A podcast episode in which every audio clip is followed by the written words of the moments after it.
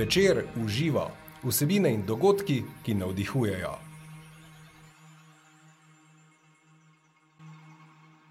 Dobrodošli in dobrodošli v novi epizodi podcasta Večer uživa. O moči uma bomo govorili tokrat, o tem, kako z izjemno metodo izkoristimo njegov potencial za manifestacijo želenega. Spoznali boste namreč Ultramind metodo, ki jo je razvil Jose Silva. Se sliši mamljivo? Vabljeni k poslušanju. Dobrodošla inštruktorica Ultramind metode Brigita Langerholz. Živijo, lepo zdrav vsem. Zdravo. Kako ste, Brigita? Jaz sem kar v redu, moram reči, zelo, zelo uh, zaposlena, ampak ne tako, kot da je to zdaj norma, ne, ki jo moramo imeti, ampak preprosto videti, da te stvari ljudje ful potrebujejo in, in, in grem with the flow, jaz temu rečem. Ne, to je to. Tako da ja, mm, fajn. to, kot, tako kot vas vleče, uh, ja. greste z njim, ne? Ja. Ja, točno to. Ja. Um, ne, z veseljem to delam že nekaj let, no, ampak se mi zdi, da zdaj, ko je prišel čas um, tega obdobja korone, ne, je pa res dosti ljudi šele ugotovili, da bi bilo fajn mogoče kaj pogledati vase, narediti nekaj na sebi in se je res sprožil en tak efekt, no, zelo pozitiven. ja. In da je to mm. edino vredno, ne? edina investicija, ki, ki se, če zdaj gledamo, ki se obrestuje. No? če lahko ja, rečem. Ja, na dolgi rok, sigurno. Um, to, to je res investicija. Jaz rečem, smo bili s tem namenom uh, rojeni na planetu Zemlja, ne? da v bistvu res samo uh, rastemo, eni počasi, eni hitro, pač ni pomembno, ampak važno, da ne obstaneš nekje. Ne? To je to. Ne tekmujemo. Mm. Ne? Ja, to je tudi drugo najbolj važno, ker sama vem, kako je bilo to. Ker malo aktivno. Ja. Tako, ste tudi vi, ne, vi ste uh, olimpika, -hmm. Potem vas večina naših eh, gledalcev verjetno pozna. Uh, ampak sicer pa, ko smo se pogovarjali, sem se skrbno zgubila, znaka, Brigita, kako naj vas naslovim, oziroma kakšno, kakšen naziv ali pa titulo, ne vem, kako naj vas popredalčkam, ne? ker imate kar ogromno znanj, vi ste neutrudna raziskovalka življenja, že od malega, k temu se bomo vrnili. Uh, rekla mm -hmm. sem, da je inštruktorica te ultramind metode, pa učiteljica joge, pa dihalna coachinja.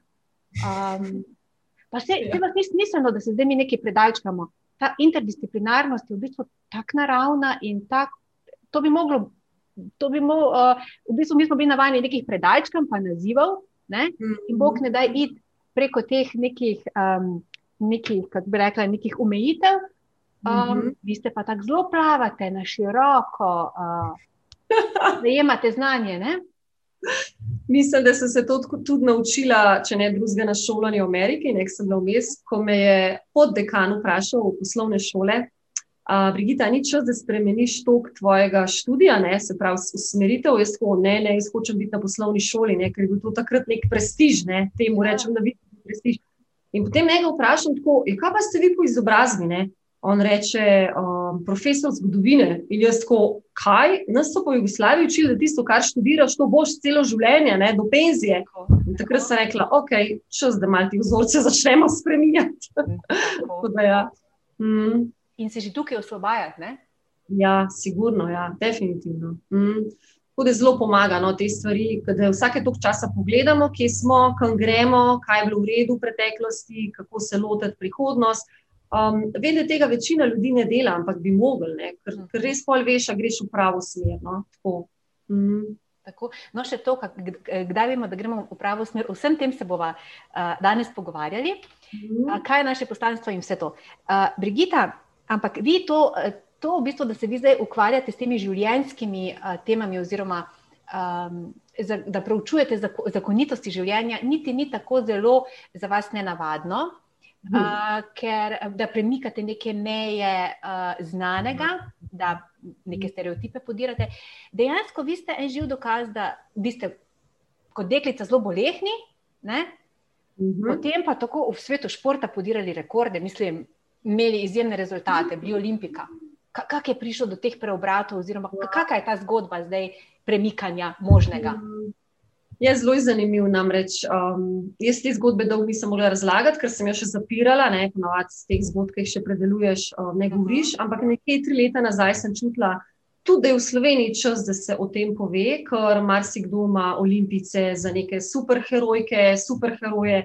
Ampak v zadnji se marsikaj skriva, ker ljudje ne vejo. Ne? Tudi ja. kakšne boleče stvari, ne samo uh, moja bolezen. So tudi starši, ki zelo manipulativno s kakšnimi otroci delajo in potem ratajo oni vrhunski, vsi vemo primer tajega vuca, kaj se je pa zgodilo. Tako da mhm. so stvari. Um, jaz sem se rodila zdrava, potem pa nekaj šlo na robe v tisti porodnišnici, v kateri sem se rodila. In v bistvu sem uh, tudi par otrok umrl tisto nočno. V bistvu sem bila ena, ki smo preživeli in sem več ali manj tri leta preživela v skrbi v bolnišnici. Ne? Se pravi, nek sistem me je vzgajal. Ja.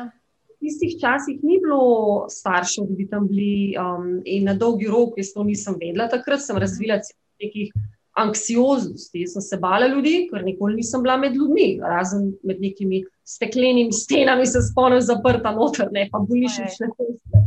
Uh, imela sem vse živo, uh, večkrat so me tudi reševali, tako ker sem razvila različne alergije, na vse sem bila alergična, um, potem škrlatinka se mi je zelo ponavljala, angina, kasneje pa astma, no, ki me je spremljala nekje, rečemo, skoraj do 20. leta, no, 18-20. leta.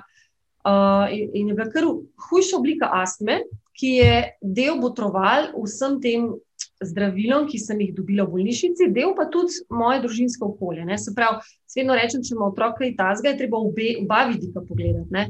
Um, in jaz tega leta nisem vedela, kako se reši, dokler nisem prišla do joge pri 15 letih, pač v mojem kraju, kjer sem takrat živela, v Škofiloki. Uh, in joga je bila takrat čisti tabu, to ne hodiš tja, ker je neka čudna, mistična vadba. Ne? Ja, Vas bojo ja. zavedali, so rekli. Ja, ja. Tako da uh, jaz sem takoj čutila intuitivno, da moram iti tja, da mi bo pomagal pri mojem dihanju. Več ali manj sploh nisem znala dihati, nisem vedela, kaj, uh, kako sploh predvideti napad in kako ga ustaviti, preden se to zgodi. Uh, tako da mi je zelo pomagalo v teh začetkih popravljanja mojega zdravja. No. Kasneje sem jo pa uporabljala pri vrhunskem športu za gibljivost, pa mhm. preprečitev poškodb. Tako da je zelo, zelo koristna zadeva. Ja. Pa pri svojih rezultatih, oziroma pri svojem eh, vrhunskem športu, uporabljali tudi močuma. Ne? To pa ni skrivnost, vse to, mm. to, to, ti vrhunski športniki to počnete. Ne? Ja, ja. Povejte, je bilo na začetku to tabu, tudi pri vas? Um, zelo neznano področje, ni bil to tabu, juga, ampak zelo neznano področje. Jaz sem srečo imela, ampak ne rečem sreča, pač take ljudi si pritegneš v življenje, ki so pripravljene.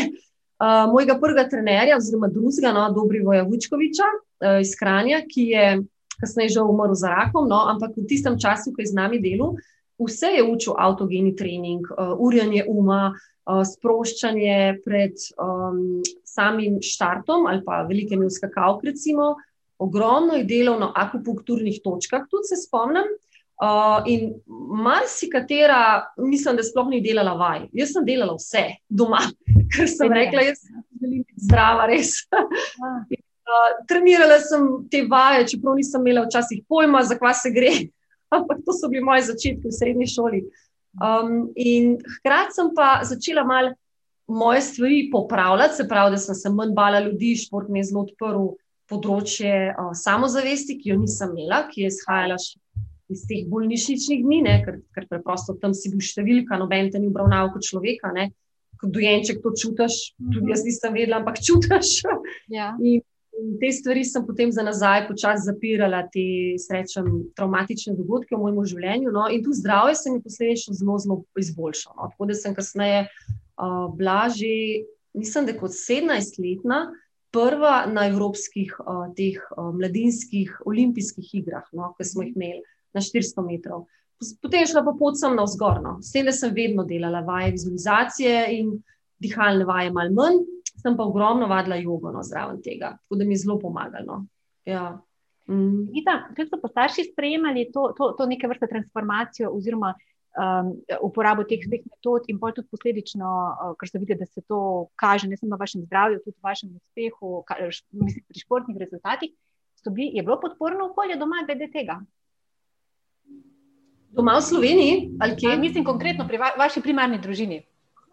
Moji družini, uh, moji družini so doskrat me pustili, da kar raziskujem. V bistvu je bilo tako neko nenapisano pravilo, sem, da se ni treba preveč ukvarjati. pač, če sem imela kakšne napade, logično so me pelali zdravniku, so se ful ukvarjali z mano, se včasih reče, da sem edina tako pozornost dobila. Ja. Vem, da nisem edina. Ja. Ampak zelo svobodne roke. Tako da jaz rečem, hvala Bogu, ker, ker sem bila zelo raziskovalna duša, uh, mislim, sem še zdaj in vedno so mi privlačila novo znanje. Jaz sem brala na kupe knjig. Tisto knjižnico mladinsko sem prebrala v, v mojem mestu že vem, do četrtega razreda, vse knjige. Ne. Kljub temu, da sem zelo zaostajala uh, v šolah za cenam na začetku, uh, hodila sem na telovadbo z otroci s posebnimi potrebami. Ne. Se pravi, malo me je družba izločila, ker pač nisem bila v nekih smernicah, kamor si takrat pasu kot normalen otrok. Um, ampak mene je to motil, ampak hkrati mi pa dal, jaz rečem, vetra v jadra, da, da probam biti tako kot ostali vrstniki. Ne? Se pravi, da, da nisem tam neki izobčen, ampak le probimo, mogoče mi pa uspe nekaj. In mi je v tretjem razredu. No? Ja. tako, da, tako da je bilo zelo zanimivo. Um, ja, doskrat slišim. Kako si želijo, kakšni, da bi jih starši podpirali, nekaterih preveč pritiskajo ne, v športnih družinah. Jaz rečem, pri meni je bilo glih prav fajn, ne, da sem imela to svobodo, da sem raziskvala karkoli sem hotla. Res, in ni bilo nobenih odzivov. Tudi, ker sem želela parkrat nehati športom, zaradi pač najstniških težav, ki jih imamo ja, ja. vsi, ne, je bil vedno eno ali pa od dveh staršev takrat pristopil in, in me spraševal, ali si res to želiš, le ker tvoj način življenja bo čist drugačen, ne, zdaj treniraš vem, vsak dan, potem pa kar naenkrat ne boš, kaj se bo zgodilo. Tako da vedno me je nekdo nekako v to smernico prpel nazaj. to je to. Ja. Brigita, kdaj ste pa potem vi um, naleteli, raziskovali ste, bili ste radovedni, uh, mm. ravno prav, mislim, konkretno na tole metodo Ultramajn, Joseja Silve. Mm -hmm. um, Dajte nam malo predstaviti to metodo. Jaz sem ja. zelo poenostavljeno o njej govorila. Ja. Ja. Um, jaz sem potem šla v Ameriko, kjer sem je ful odprl svet. Mislim, tako cel kup knjig, video že takrat o vizualizaciji, urjenju uma, kako kreiraš uh, želje svoje, ne samo v športu, ampak manifestiraš. Mhm. Takrat si nekako bil je že v spredju coaching industrija, ne, se pravi ta mhm. izobraževalna, svetovalna, ampak ne še v takem razmahu, ki je danes, ne, ki je po celem svetu. Um, jaz sem naletela na eno ekipo, poleg moje športne ekipe, profesionalne, um, ki sem vedno vlagala v vse denar, kar sem ga zaslužila v njih. Se pravi, šli smo čez določene travme, uh, preko hipnoze, kar sem mhm. jih doživela v, v bolnišnicah. Um, potem to odtujenost od ljudi smo nekako zapirali te stvari, ne? ker me res vsake tok časa ni bilo glih v korist, ker sem imel še intervju in jaz sem se krbala na televizije, pred novinarje, take stvari. In, in če imaš tak poklic, to rabaš. Um, potem, ja, potem smo šli full globok, sem imela enega bivšega fanta, se spomnim ki je delal z najboljšimi ekipami, uh, takrat Clippersov, potem uh, najboljših teh ameriških futbalov, igralcev, Lakersov, kasneje. Ne. Mm. On je bil že um, sam športnik in je že sam te metode zelo izuril, skoraj do tega rezultata, ki sem ga izdosegla. Rečemo, on je bil v finalu, jaz sem bila četrta. Tako da sem združila to učenje od mojega trenerja s tem učenjem v Los Angelesu, kot sem od, od te ekipe, ki sem jo zunaj sebe mm. financirala um, se učila in pobirala znanja. Ne? In uh, večina ljudi to ni vedela, da jaz to delam. so pač vedno mi govorili, oh, ti si full talent, ti samo malo treniraš, pa ti že ne uspe, ne vem, kako zabavno. Mhm. Ja, razen pač moj ni vedel, kaj se vse zvečer delam, koliko se uri um. Kako skrbim za regeneracijo, hodim na masaže, delam jogo, v sobotah, nedeljah so drugi počivali pač rečem, nikoli ni samo del treninga, je še cel kup drugih stvari, ki jih moramo upeljati v naš nek um, pot do uspeha, ne, karkoli, ne samo na športu. Um, in nikoli si nisem predstavljala vse ta znanja, da bom jaz zdaj učila, ne, res nikoli. In ko sem prišla v Slovenijo po um, rečemo, nekih desetih letih iz Amerike, ali pa malo manj, uh, sem nekako padla v to okolje, odkjer sem odšla. Bistveno nekaj se ni spremenilo, sploh ne na teh področjih, kar sem jaz delala tam, tako buf, preko pol sem ja. napredovala. Ne? In sem razmišljala, v bistvu me je en, en nekaj časa celo dušil to okolje, ker sem rekla, wow, to je tako, kot vrniti se nazaj, pa neke ene stare rane uh, odpirati. Um, in potem sem najdla način, kako delati uh, z ljudmi. Prvo sem skozi fizične vadbe, ker to so me poznali, in pa sem malo tako izza hrbta dala noče te mentalne tehnike in jim je bilo ful všeč. Na okolju. Lenim, ne, v podjetjih in so hoteli še. in potem so se razvile te mini delavnice. Uh, in leta 2018, ko sem si vizualizirala, da rabim neko sistematiko, za moje tehnike, se pravi, da tudi en začetnik lahko gre čez to, ne samo tisti, ki so nagnjeni k temu. Ne, je prišel po pol leta vizualizacij meni um, Intuition Course, se pravi um, tečaj intuicije v Mihnu, Višen Lakjani, to je eno Mind Valley, direktor Mind Valley, ki sem ga tudi spoznala kasneje. Uh -huh. uh, zelo močna izobraževalna platforma. In on me je učil, ki se je učil od potomcev Hoseja Silve, ne, v Ameriki, tudi je bil priseljen iz Kuala Lumpurja, ampak je res iz nič naredil milijonsko podjetje, ja. ne s 300 zaposlenimi. Močna zgodba, ima zadnji. Ja. ja. Zanimiv tok, sem se vrnila v Slovenijo, ravno tiste fante, ki sem kočala, se spomnim veslače. Mi oče reče, je, kako vse silve to poznam. Jaz imam kolega Klemena Miheliča, ki to, to izvaja že deset let v Sloveniji, pa se ne morem verjeti, zakaj iz tega nisem vedela prej. in me je metoda dobesedno našla. No, tako rečem. Da smo pripravljeni. Ko jo takrat učim, uh, dihalne tehnike sem potem dala malo na stran, ker sem vmes um, zelo ratalo popularno z dihalnimi tehnikami v Sloveniji, recimo 4-5 let nazaj. Učila sem po Vinhofu metodi, ki je zelo, zelo priporočljiva za nekoga, ki v rekreaciji, hoče napredovati, športnika, um, večkrat bolj ekstremnega človeka. Ne?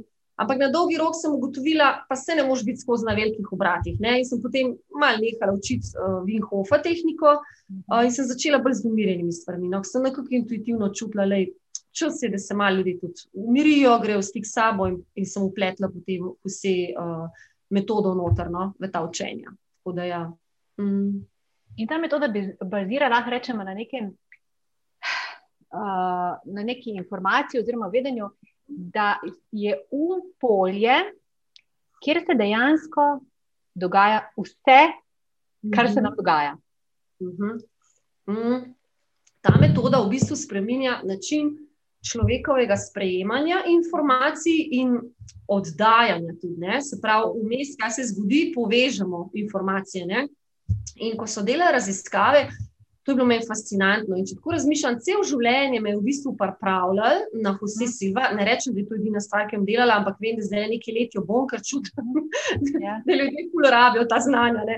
Um, me, me je pripravljal v bistvu, um, jaz sem v praksi vse to živela, skozi, že od Mečkega, od najstarejšega. Ja, ja, ampak nisem vedela v teoriji o zadju, kaj se dogaja z mojimi možgani. Jaz sem, jaz sem si stvari vizualizirala, ker noben ni verjel, da jih bom izvedla. Recimo štipendijo 100% na privatni univerzi.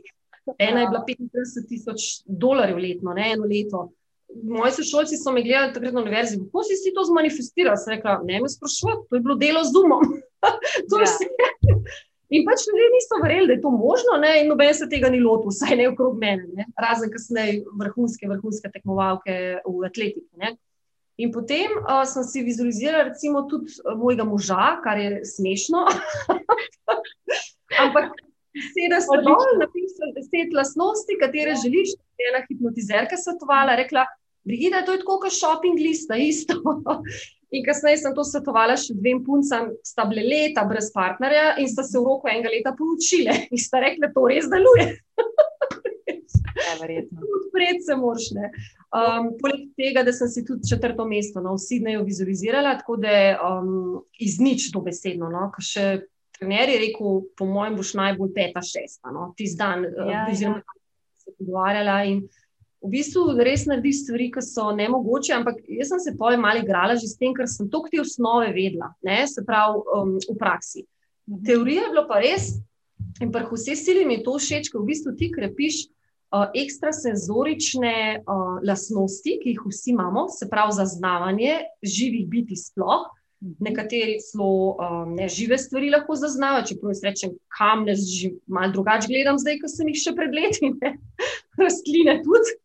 Pa nikoli nisem imela povezave z rastlinami, ampak zdaj tudi slišim intuitivno, ja. ne samo, ampak se spočita. Uh, potem sem določen spomin se ti aktivira, da si te stvari že delal kot otrok, ampak se jih ni zavedel.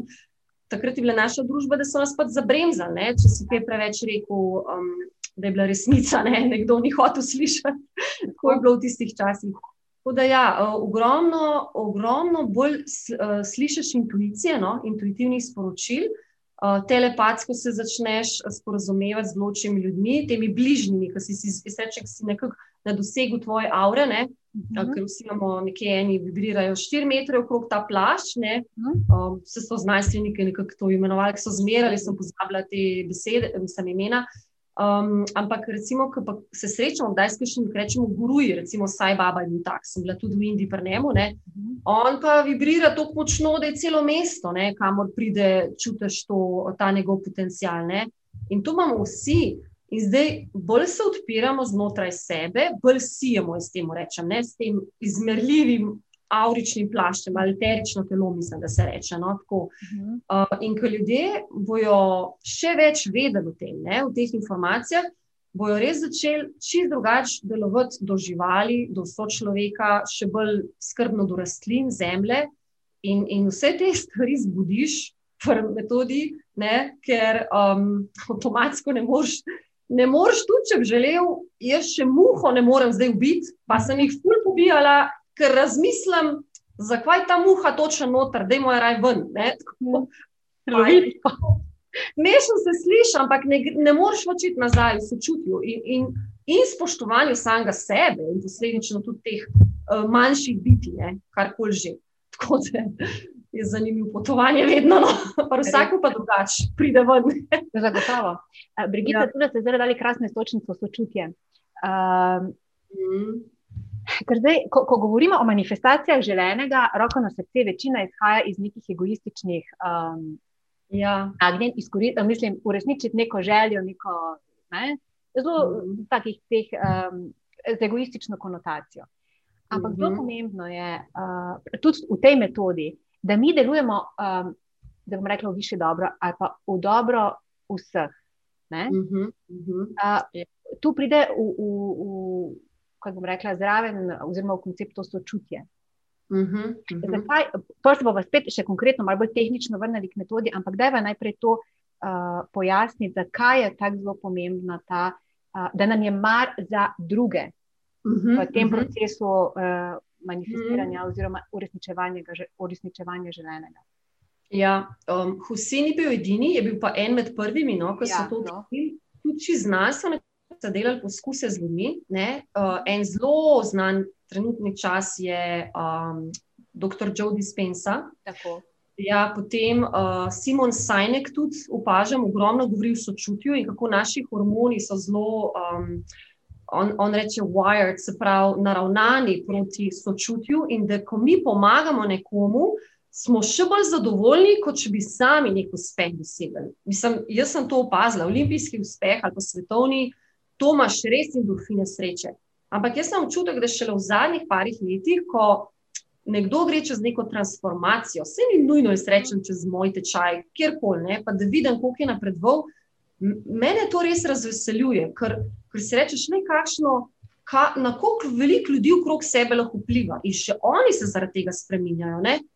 In če mi pridemo slabe volje, recimo v nek prostor, um, kjerkoli delamo, ne?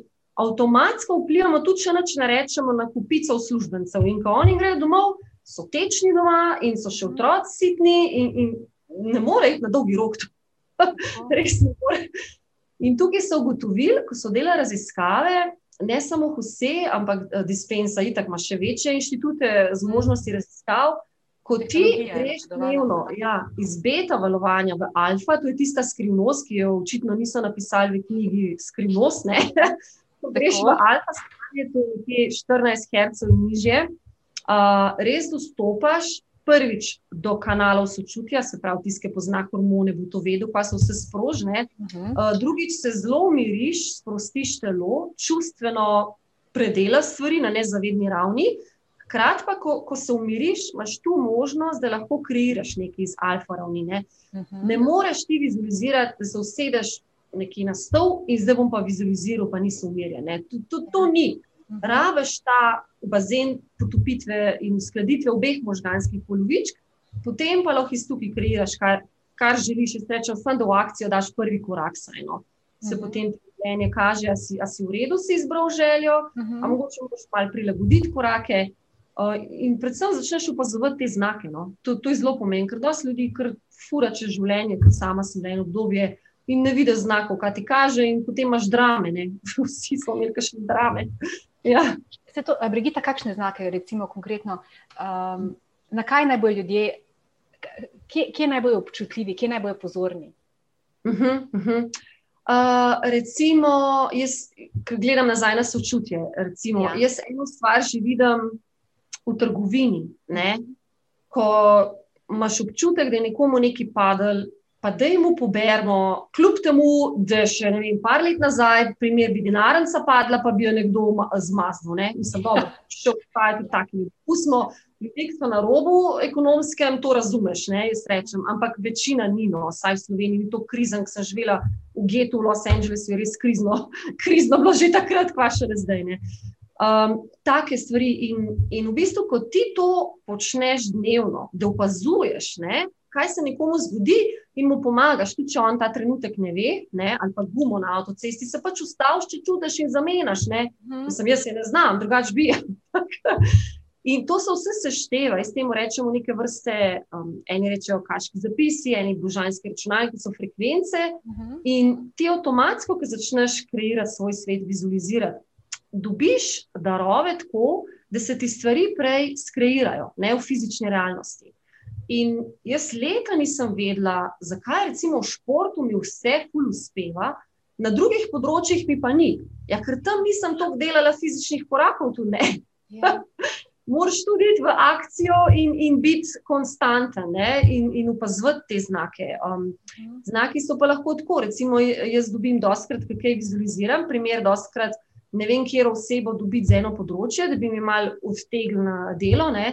Uh, jaz si samo predstavljam, kakšne lasnosti si želim, da ima ta oseba, uh, in etiko, in kaj obvlada, ne, tako njene, njene uh, urodja, skills, uh, sposobnosti. In potem si začnem vizualizirati, in tako ali v eni skupini dobim to osebo, čisto intuitivno se začutva, včasih me celo pokliče, pa reče, da se razmišlja, da bi delali.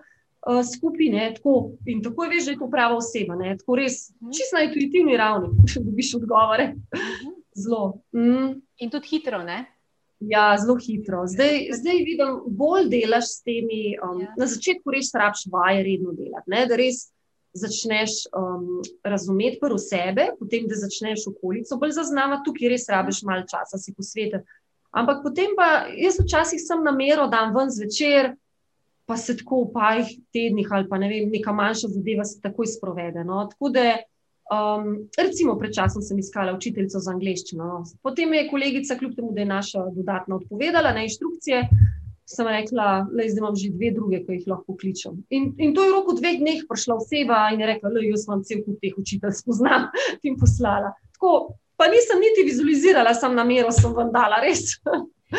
to je to. To ne, Brigita, da je vas zdaj pojasniti. Vizualizacija pa namera. Um, uh. -huh. Um, zdaj, potem je to divizualizirati. Rekli smo, da re, omenili ste, to se pač gre tehnično čisto v alfa stanje, iz beta v alfa, se pravi iz tega aktivnega dinamičnega uma v to umirjeno stanje valovanja, se pravi uh, možganske, uh, možganskega valovanja. Ja, ja. Tako, kot mi vemo, uh, to je takrat, ko smo res tako umirjeni, ko nas že mal, mal bom rekla, uh -huh. tega pred spanjem, ne, tisto občutek. Um, kako vemo, da smo v tem alfa stanju in kak, uh mhm. -huh. kako, kako vizualizirati. Zdaj, uh, rekli ste, da ne gre tako, da se kar usede in usedeš ti tako tisto trdo in pa pač z tem dinamičnim, pa glasnim umom, da boš nekaj vizualiziral. Ne. To moš občutiti, ne. pravijo tudi uh -huh. v stanje že izpolnjene želje ali kak reč, ne. Ja, mislim, ja, kak rečejo. Vse nekje, nekdo, ki prvič se tega loti, cel kup neznank, vse jaz sem tudi ja. imela, čisto razumem. V bistvu je tako, ko, ko se ti sprostiš, enim je že sprošča, sproščeno, z telesa čist neznano stanje in me doskrat v to sprašujejo, kaj to pomeni. Mhm. Ja. Rečem, lej, pred, vsi imamo neko predstavo, ko greš po tuš in topla voda gre čez tvojo glavo in počasi lepo gre po telesu, kako se počutiš. Potem vprašanje dodatno, jo jaz pa lahko sprostim recimo hrbtni del, pa ne morem trebušnega. Potem pa mhm. rečem, lej, vzemite neko toplo brisačo ali pa neko, ki se to reče, ki smo mi imeli v športu, grelne blazine in si daš na trebuh. In ko delaš to vaje sproščanja, boš komod lahko sprostil trebuh, ker bo toplota prišla. Ne? In možganom bomo dali ukaz, da tudi trebuh se zna sprostiti. Ne? Ko to delamo redno, uh, si naši možgani, s tem rečemo neuroplasticity, ne? neuroplastičnost, ne? Ja, to je to si zapomnijo to ne? in je potem na ukazu, v petih minutah pa izvedeš to sproščenost, pa še prej. Ne? Na začetku pa traja tudi 20-25 minut. Ne? In ko si tu v tem alfa-valovanju, s tem, ko sprostiš telo, uh, začneš kreirati. Jaz tako rečem, vedno je ena tehnika, pa vsi silvi se, sta dve tehnike. Ena je tehnika mentalni video, ker si na enem ekranu predstavljaš izven sebe, zakaj to je Husej odkril. Jaz sem si doskrat kar na prizorišča šla, nisem tega niti vedela pred Husejem.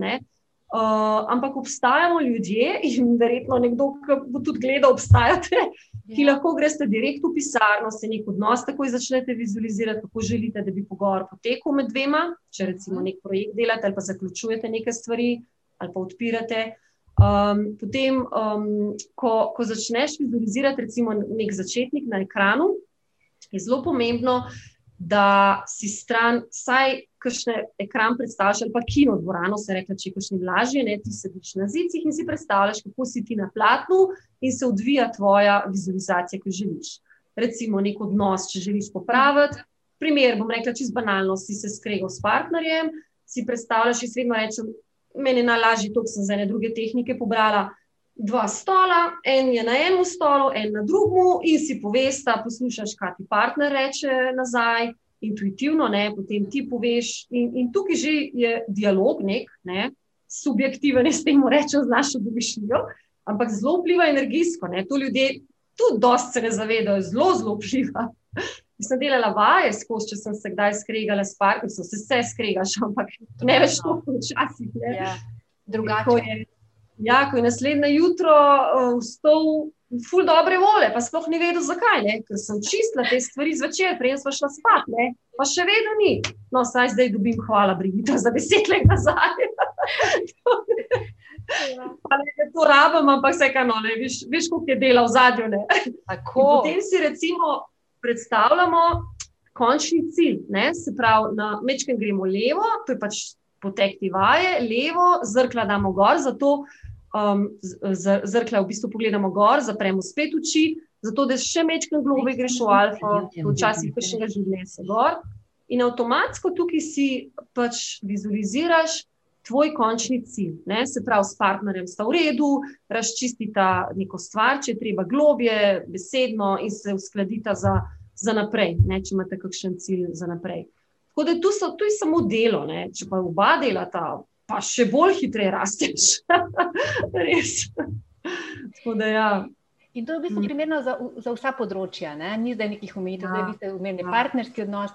Za karkoli, no, zdaj ste že nanizali vmes večkrat. Um, vi, zasledila sem tudi, da vi s hčerkami uh, vizualizirate, oziroma po tej metodi greste za uh, te teste oziroma spraševanje ja. za šolsko delo. Ja. Opa, šolsko delo, šolsko delo ja.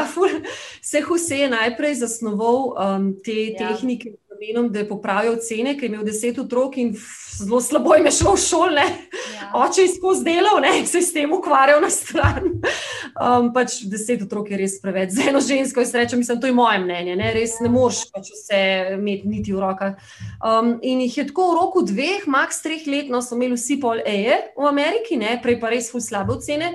In potem je nadgrajeval iz tega. On je v bistvu na koncu ratu najbolj znan in njegovi inštruktori uh, po zmožnosti, um, tako kot naši bioterapeuti delajo in, in po svetu tudi, ne, uh mhm. -huh. zmožnosti zdravljenja določenih um, zdravstvenih problemov. Ne.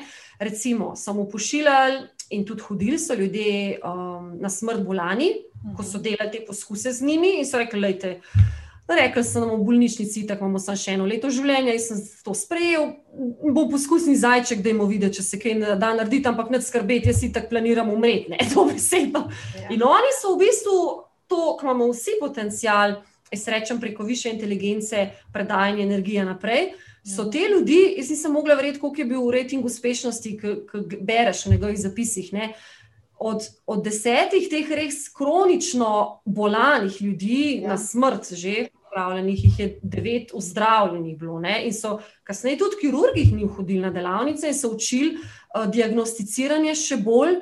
Določenih pacijentovih težav, ne? tako da um, šuje zelo široko. In zato jaz rečem, določene tehnike so tudi drugi vzeli in jih potem zapakirali pod svoje imena. Ne? To je tudi ja. neznano ljudem. Ja. Ja, ja, se, bi, se pa, ko malo začneš raziskovati, opaziš, da gre za neke zelo sorodne korake, pa pristope. Mm -hmm. uh, vsak pa res nekaj tistega svojega doda, in to je tudi ja, prav. Ja. Točno to, ja, točno. Ja, ja. Tako da ja, je, je veliko potencijala. No. Jaz vedno rečem, uh, te metode so za nekoga, ki res bi rad mečke stvari nadgradil, so tudi za začetnika, ne rečem. Ampak večinoma ljudi nekaj ful ne zanima. Ne? Grejo, le jaz grem samo osnovno meditacijo, mi že to dosti, uh mhm. -huh. tukaj res moraš delati vaje ne? in potem boš imel ful daril iz tega. Ne? Če, če nekdo misli, da je to samo kurs, ki greš pa poslušaš, mm, to ne všlo. ja, ja, zelo mehanično. Ja, in čutne zaznave vklopiš. to je to, se jih učiš uklapljati. Ja. Ja. Brigita, omenite pa tudi namero. Ja to mi pa zmeni, uh, v bistvu ima nek uh -huh. prizvok nekega lahkotnejšega, lažjega uh, dostopanja ja. do želenega. Ja. Um, to se pa da, jaz trenutno igram. Ja. Ja. Jaz se trenutno malo igram, zato ker zadnjo leto se učim o srčni čakri, uh mhm. -huh. se pravi, kreiranje srčne čakre, ki je še močnejša kot naši možgani. Ampak vem, to je malo kasneje prišlo ne, v naše ja, ja. družbenosti. Uh, to je tudi zelo znanstveno ugotovljeno, recimo HeartMath Institute uh, dela to v Ameriki. Um, mislim, neverjetno, kdorkoli tipka v YouTube filme, koliko smo mi povezani srčno. In jaz to naredim tako, ne, uh, sprostim se skozi silvo metodo, telo, telo, in potem grem samo v predel srca. In tako kot nekako odprem srce, se pravi to uh, srčno biopolje, in pošljem ven namero, in doskrat, isto kot pri vseh silih metodah, zajamem čim več ljudi, ne? se pravi to moje namero. Uh, recimo, ko sem si jaz uh, vizualizirala z namero mojo pomoč, s tem rečem desno roko, ki bi upravljala ene stvari, pa da bi me tudi razumela, kaj jaz sporočam ljudem. Ne? Sem si predstavljala, kako obe zajameva z podobnim načinom razmišljanja, uh mhm. -huh. čim več ljudi in oni delajo transformacijo. Potem, Ona mi pač ta fizični del odnese, ne? jaz uh -huh. ta mhm. mentalni, čustveni, ampak sva kot eno. Uh mhm. -huh. in, in sem perfektno osebo dobila. Tako po treh mesecih, res, mislim, če bi dala na razpis, ne bi dobila. to so ti pohitrene namere, ki dosti ljudi, ki se pogovarjam, perfektno in delujejo, ne? ampak to je spet druga knjiga, ki se še piše, The Secret po Secretu. Nadgra nadgrajena, ne? Ja, ja točno to. Mm. Mm. Brigita in vse te metode, te tehnike, ta spoznanja so že v bistvu tudi zelo znanstveno dokazljiva. O tem govori mm -hmm. epigenetika, Bruce Lipton, prej ste omenili Joe Dispenza. Um, pod, gre, te metode uporabljajo tudi zdravniki kot neko mhm. podporno, neko podporno zdravljenje ali pa ja, nek, pod, neko, nek podpor oziroma podporo. Pri, uh -huh. Tudi pri onkoloških pacijentih ne, to, ja, ja. te metode so učinkovite ker uh, ta informacija, ne, mi smo en odstotek fizisa, ostalo 99% pa energija. Ne. Ja, In ja, ko se tega zaveš, mm. je možno vse. Mm, točno in kako vplivaš s to energijo. Um, to je res velika odgovornost. Ne? Mislim, ko sem jaz šla za nazaj gledati, koliko ljudi um, sem v tem mojem egoističnem načinu razmišljanja. Ne rečem, da zdaj nisem egoist na enih področjih, sem še vedno. Ne? Ampak, koliko sem jih hranila, ki enkrat se to začneš zavedati, uf, si rečeš, da ja, to je bila šele prehoja na pot, ne? ker so oni tudi ranili uh, druge. In, in, in ta energija gre, pf, ali, ali dobro delamo ne? in se še mhm. hitreje širi, ali pa slabo, malo mal manj hitreje se širi, ampak so vse, ne, žal. Uh, tako da jaz mislim, da človeštvo je res na tem razkoraku zdaj. In, in vsak se bo sam odločil, ali bo še vedno delal tako, kot je bil način delovanja v pre, prejšnjih obdobjih, ne? ali bo zdaj, kot se vedno bolj kaže, da imamo neko povezovanje, se iti, da imamo ohraniti naravo, kot je možno. Pa tudi, če sem svoj vrt okrog hiše ali pa ne vem, okrog bloka, vse mehne korake začnemo delati. Poznam no. primere ženske so cele afriška plemena skupaj za nek uh, vzrok, da so rešile, recimo, zapornike, bile so pa neznane ženske. Mislim, tako, da, da res en človek ima ogromno moč, ker s tem privlači druge podobno misleče in se že začne tvoriti nek, nek val ne, povezovanja in akcije. Ja. Da, ja. mm.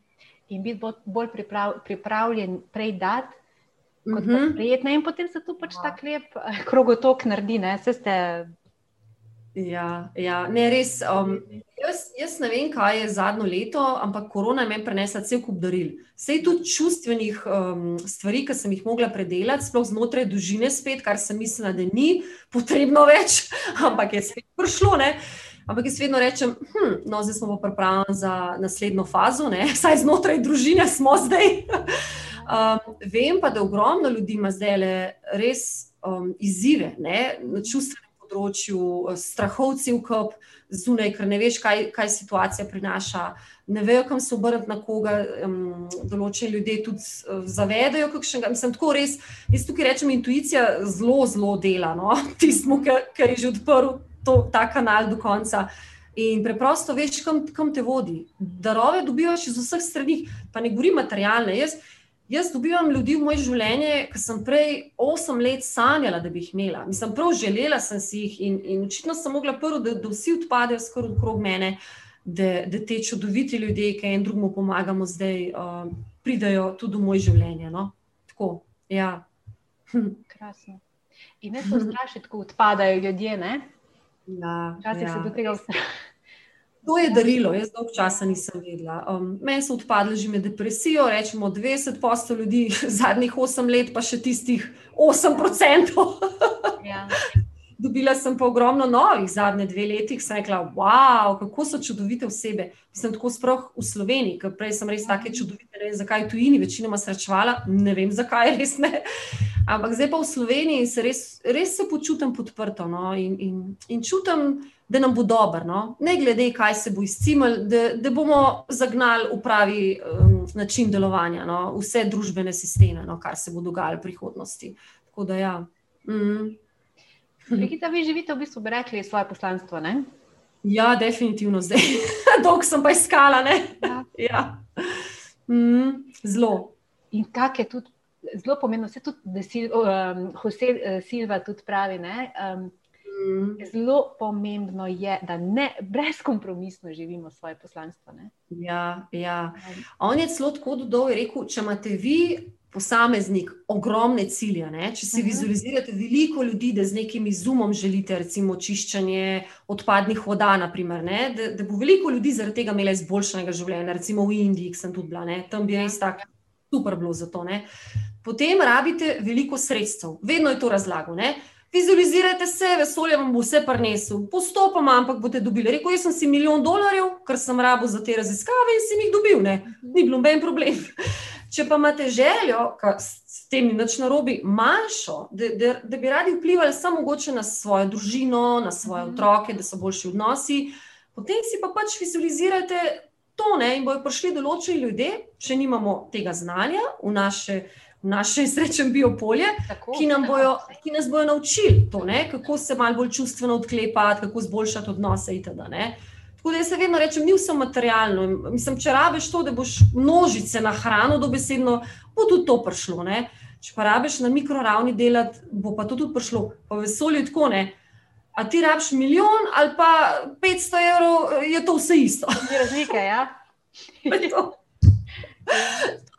preveš, lažje. Ne? um to ja. dojame. Um, mm, mm. Ki, mislim, vse omejitve so v glavi. Ja, ja, res je. Ja. In jaz opažam, um, na začetku se zelo loviš, kaj delaš ja. te tehnike. Pol, pol pa vsaka, vsak, sploh ne rečem več težava, no? včasih mi še vidim, ampak izziv, ki ti pride v življenju, vidiš kot, ah, ok, samo to lotil, še ena uvirca, Lej, bomo pogledali iz par različnih zornih kotov, mogoče kaj še lahko pomaga, mogoče lahko sama rešim. In greš naprej, najdeš ljudi, ki delegiraš delo, slej ko prej več, ki ga imaš pol več, ne, ne manj žal, ampak tako pa si si, si, si vzbral tudi jaz. Um, in in niti, niti tako težko, no, kot na začetku. Na začetku pa sama vem tudi po par mesecev sem reševala kakšen izziv. No. Res nisem, nisem imela teh znanj, da bi to malo iz oddaljenosti pogledala. No. Tako, pa kaj mi sporoča? Ne. Potem so se mi par primerov trikrat pojavili ja. in sem dubla tovrnak. V Indiji rečejo, potem te pa tovrnak povozne, takrat pa dobiš končno, aha, opozorilo, ne, dobesedno. Kar je, kar je težko, ne, situacija polže, ampak očitno eni tudi to rabimo, ne, jaz sem bila ena takih. Tako da ja prvo pa pride sporočilo v obliki goloba, rečejo. Aha, nežno, ne? Ja, da, da bomo vedeli, da se spomnimo. Ja. In jaz zdaj te golobčke probam že zaznati, ker vem, da je prišel avtobus, pa pa tu vrnak. Ja. Tako da res. Ja. In predvsem, pregita se zdi skozi vse izzive, iti nekako lahkotno in zaupanje. Ne? Mi smo bili mm. učeni, da je treba iti kot ko to vrnjak v to vrnjak. Ja, ja. Tisto trdo, ne, ono, grobo. Um, ja, tudi jaz pa stvari sem si, moram priznati, sila v življenju. Ne? Zdaj se točno ne spomnim, kaj, ampak se spomnim tiste stvari, ki sem si sila, me na koncu sploh niso zadovoljevale. Ne? Recimo, mislim, da je bil en tak primer um, končovanje magistrske naloge. Uh mhm. Mislim, tako res, res mi je cel kup uvir nastavljal v življenje, že sem se upisala v to šolanje. Ne? Kot da, ni, kot da tega ne rabim, ne, dobesedno. Ampak sem se kar prisila, da imamo zato, da fokus dam stran od mojih treningov, ker sem se vedno rada učila. Um, ampak zaključek je bil en najbolj težavnejših uh, v Sloveniji, no, ker res v Ameriki um, si zelo podprt. No. Kot študent v Sloveniji je precej drugačna zgodba, če si vrhunski športnik. Nisem edina, no, ko imam to izkušnjo. Ampak to je bil res, ko sem šla nazaj delati malo, s tem rečem, regresijo. Um, že štart ni neki kazal, ne. življenje mi ni kazalo, da je glih to moja pot in sem mali sila. Ne. Tako da nečem, da sem potem dubla na koncu malo tovrnaka, ne, da sem se malo skupaj sestavila.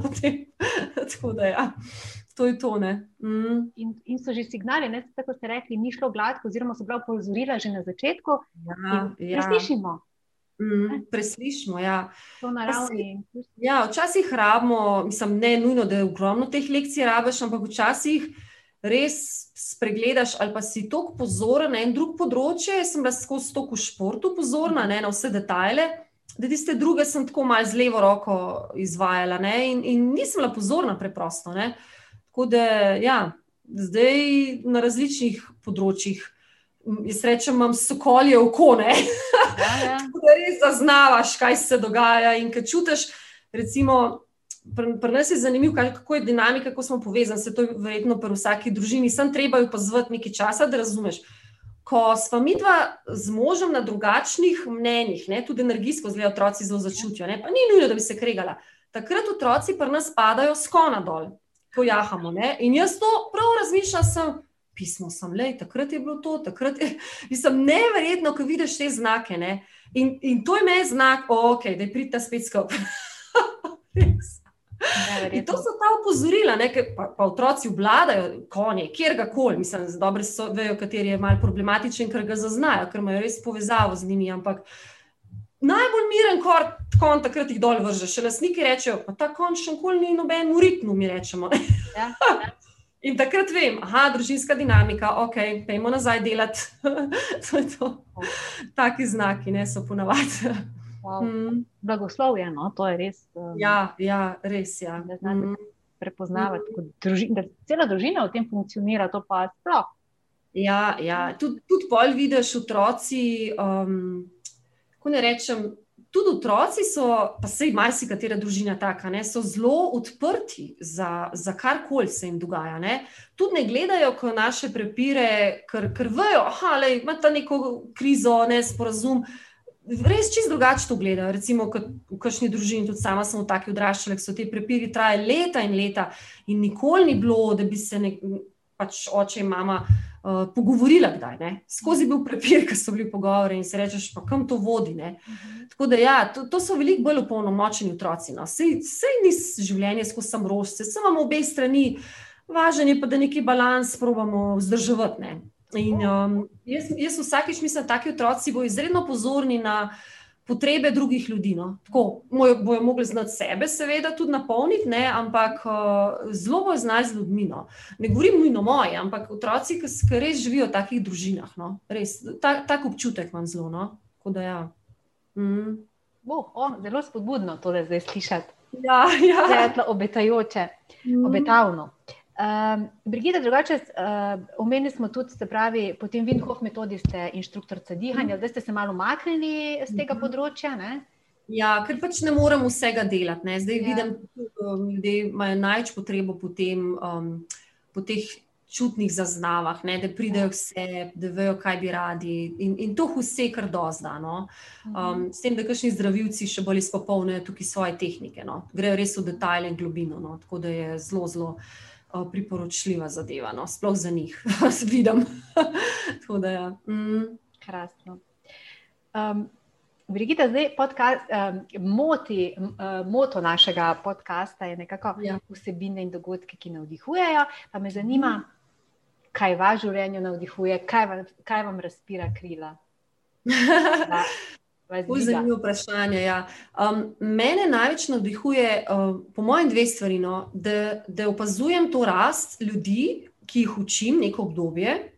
Uh, in potem še, ko končajo, ne, tisti, ki res redno uh, pridejo v stik sami s sabo. Vse ni nujno samo po vsej sili metodi, ampak tudi s svojimi, ki jih še imajo odprej metodami. Ne. Mhm. In ko vidiš to rast in ko vplivajo oni na še več ljudi, to, to je v zadnjem času me začel zelo zelo navdihovati. Druga stvar je pa kar mene, kar mi je mož doskrat uporekel, zdaj malo manj, zakaj ti vedno on reče, aim for the stars, vedno hočeš po zvezdah posegati. Zakaj ne moreš imeti normalne žene?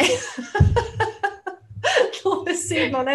Pa da je eno stopničko ali pa dve nižine. Zakaj? Rečem, dragi moj, le zahval se unim zdravnikom, že v bolnišnicah so me že zacementirali, da rabim zvezde. In v bistvu, mislim, jaz vem, sem si to kot duša izbrala, ker sem to tudi videla pri astrologiji.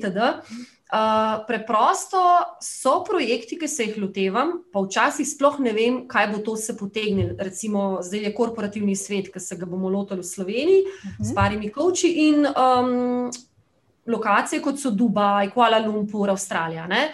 In to je res, jaz temu rečem zelo, zelo naporen uh, svet, v katerem sem tudi jaz živela eno obdobje, ker kaj pa je vrhunski športnik, isto je kot en top uh, menedžer, ki ima ne vem, par tisoč ljudi v eni korporaciji. Ja. Boh ne da je še tradicionalno, ne, ker potem imaš še cel kup pozorcev v zadju, ne, ne smeš kar uditi, pa iti na Bahame, ne, ampak moš delati ne, do konca življenja. Ne. Večina, tako da sem zelo avtokratski svet tudi. Um, in, in jaz čutim, vsaj dokler bom me v to razveseljeval, da je moja naslednja pot v to in se mi kaže. Tudi pred tremi leti sem vizualizirala in čisto avtomatsko me je življenje v to zapelo. Ne. So me ljudje povabili v svojo skupino in zdaj, konec aprila, že odpotujemo no, na prvo tako lokacijo, da naredimo plan za to jesen in naslednje leto, ne, akcijski plan. Tako da, ja, take stvari se lotevam in to me zelo navdihuje, ker sem skozi mal izven cone obdobja. Ne. Vse dve, tri leta delam stvari, ki ful me razveseljuje, potem pa vedno še malo nadgradim ne? uh, in dodam. to je to. Ja. Vse mhm. življenje se začne, ko stopimo iz tone obdobja. E, potem pride ta ja. srčika, pa ta življenjska dražnja, ta dinamika. Ja, ja, to je res. Ja. Uh, res je, opažam pa tudi v Sloveniji, da ko gledam druge države, ne, pustimo zdaj ta, pa ne bom rekla, tretji razredni svet, zato ker ga je zahodni svet naredil tretjega razrednega, ne? niso ja. oni taki bili, oni imajo res naravna bogatstva, neverjetna. Ja. Ampak opažam, da v Sloveniji dost ljudi še vedno je tisti soni obdobja. Mislim, ne govorim tako po procentih, ampak opažam določena generacija. Mogoče je korona vsaj par procentov zbudila, hvala Bogu, ne? ker si mogel iti zelo fajn izven sone obdobja, ne glede, kaj upravljaš, sem opazila, na vseh nivojih nas je udaril. Um, ampak po drugi strani pa čutim, da imamo mi kot narod, kar sem opazovala. Jaz sem pač prepotovala, mislim, da se enkrat štela 47 držav, ja. pa to po večkrat, kašne. Um, res sem opazovala, nisem bila samo na prizoriščih. Ja, jaz čutim ta narod zelo, zelo srčen. No? Res ne znam opisati. Potem sem se kasneje posvetovala z mojimi um, pač kolegicami, ki, ki res. Uh, energijo čutijo, odpirajo različne portale. In so rekli, da ja, ker različni šamani so začeli hoditi že deset let nazaj, sem zaznala zelo znani ljudje, ki se zdravilstvom ukvarjajo v Slovenijo in so rekli, da ta zemlja je fulp odprta. Nikoli ni bilo jasno. Moje ameriške prijatelje, ki sem vozila v Slovenijo, so rekli, se zdi, ste vi vsi malo hiperaktivni, ena čunga, jaz ful čutim močno energijo. In zato smo tako v športu, ne? tudi to je posledica. Da malo to zbalansiramo. Ne? To sem tudi se naučila kasneje, zakaj smo tako uspešen narod kot, kot šport. Ne? Športniki pa, ne glede, da imamo pogoje bistveno slabše, kot si v Ameriki, so popedeni, res. Mhm. Mi začnemo iz nič, pa smo svetovni prvaki dobesedno. Um, tako da ja ko bomo še večina nas, si srečemo, odprli ta naša srca, ne, ali pa malo bolj odprli, bo res, je, mislim, ne jaz, dosti nas čuti neko tako srčiko Evrope. No, kot, Mi smo res lahko že zgled zdaj, ampak se nas še ni tako odločili, srečo, ampak v prihodnosti pa jaz čutim, da bo no. In, in prav vidim no, slike, čutim se sliši. Da ljudje, ki bodo utrujeni, bodo prihajali v Slovenijo, se tu napolnili, ker imamo fenomenalne terapeute, terapeutke, mislim, vsak na svojem področju, in šli nazaj delovati v svet. Prav, prav to vidim. Mogoče se sliši kot utopija zdaj, ampak uh mhm. -huh. sanje meni ne lažejo. Tako da ja svetovna spa destinacija, energijska. Ne? Ja, ja, res, res. In, in nimamo brez veze to lov, besedo. Ne, res, ja. res jo nimamo, res. pa sem mislila, dolg časa je to kar neki in je nimamo. Ne, ja. Tako da, ja, stopiti v svojo moč, no, čutim še kakšen posamezni krab in delovati. Delovati, kot ti narekuje uh, srce, duša, kakorkoli imenuješ. In se res ne ozirati, kaj bojo pa rekli, Ma, to je en mit, rečem, brez veze, res. ja. To so objavci, sanj večine ljudi, kaj bojo pa rekli drugi. Ne? Ja, ja. To, to je tukaj zelo zakorenjen, e, en najbolj, no? mislim, ta vzhodna Evropa, sploh, no? ker smo zelo uh, podobni, ampak uh, Poljska, recimo, poznam tudi zelo. Ampak um, jaz mislim, da ta in podobni vzorci odpadali, no, pri večini bo čist drugače zunanjost izgledala no, Slovenije um, in odnosi sploh. No. Tako ful bo več sočutja, pomoči. Pa tako, kot se mi zdi, da je že bilo, no. pa ne samo v Sloveniji, v svetu. da, ja. mm. Brigita Langerholc, najlepša hvala za let in zelo, zelo navdihujoč pogovor. Zelo ste navdihujoči. Ja, hvala, hvala res. pa ne upogumi še kakšnega posameznika in smo že vsi zmagali, srečam v tej državi.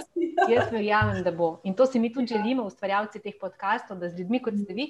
Širimo eh, to, to energijo in te ideje um, nekega boljšega, rekla, sveta no, ali pa družbe. Bo nam mm. uspelo, zagotovo. Ja, super, res, da ste taki, ki ste Maja in da res to širite. No? Ker tega več bo in bo tudi avtomatsko se to začelo širiti med ostale, še, ki še bo zdaj tam razmišljajo. Ne? To je to. Ja. Virus dobrega. Ne?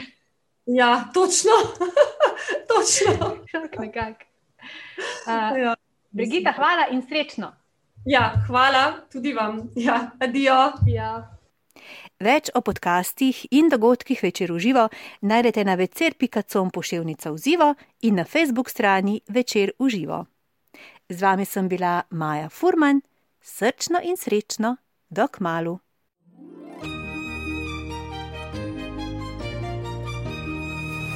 Večer uživa vsebine in dogodki, ki navdihujejo.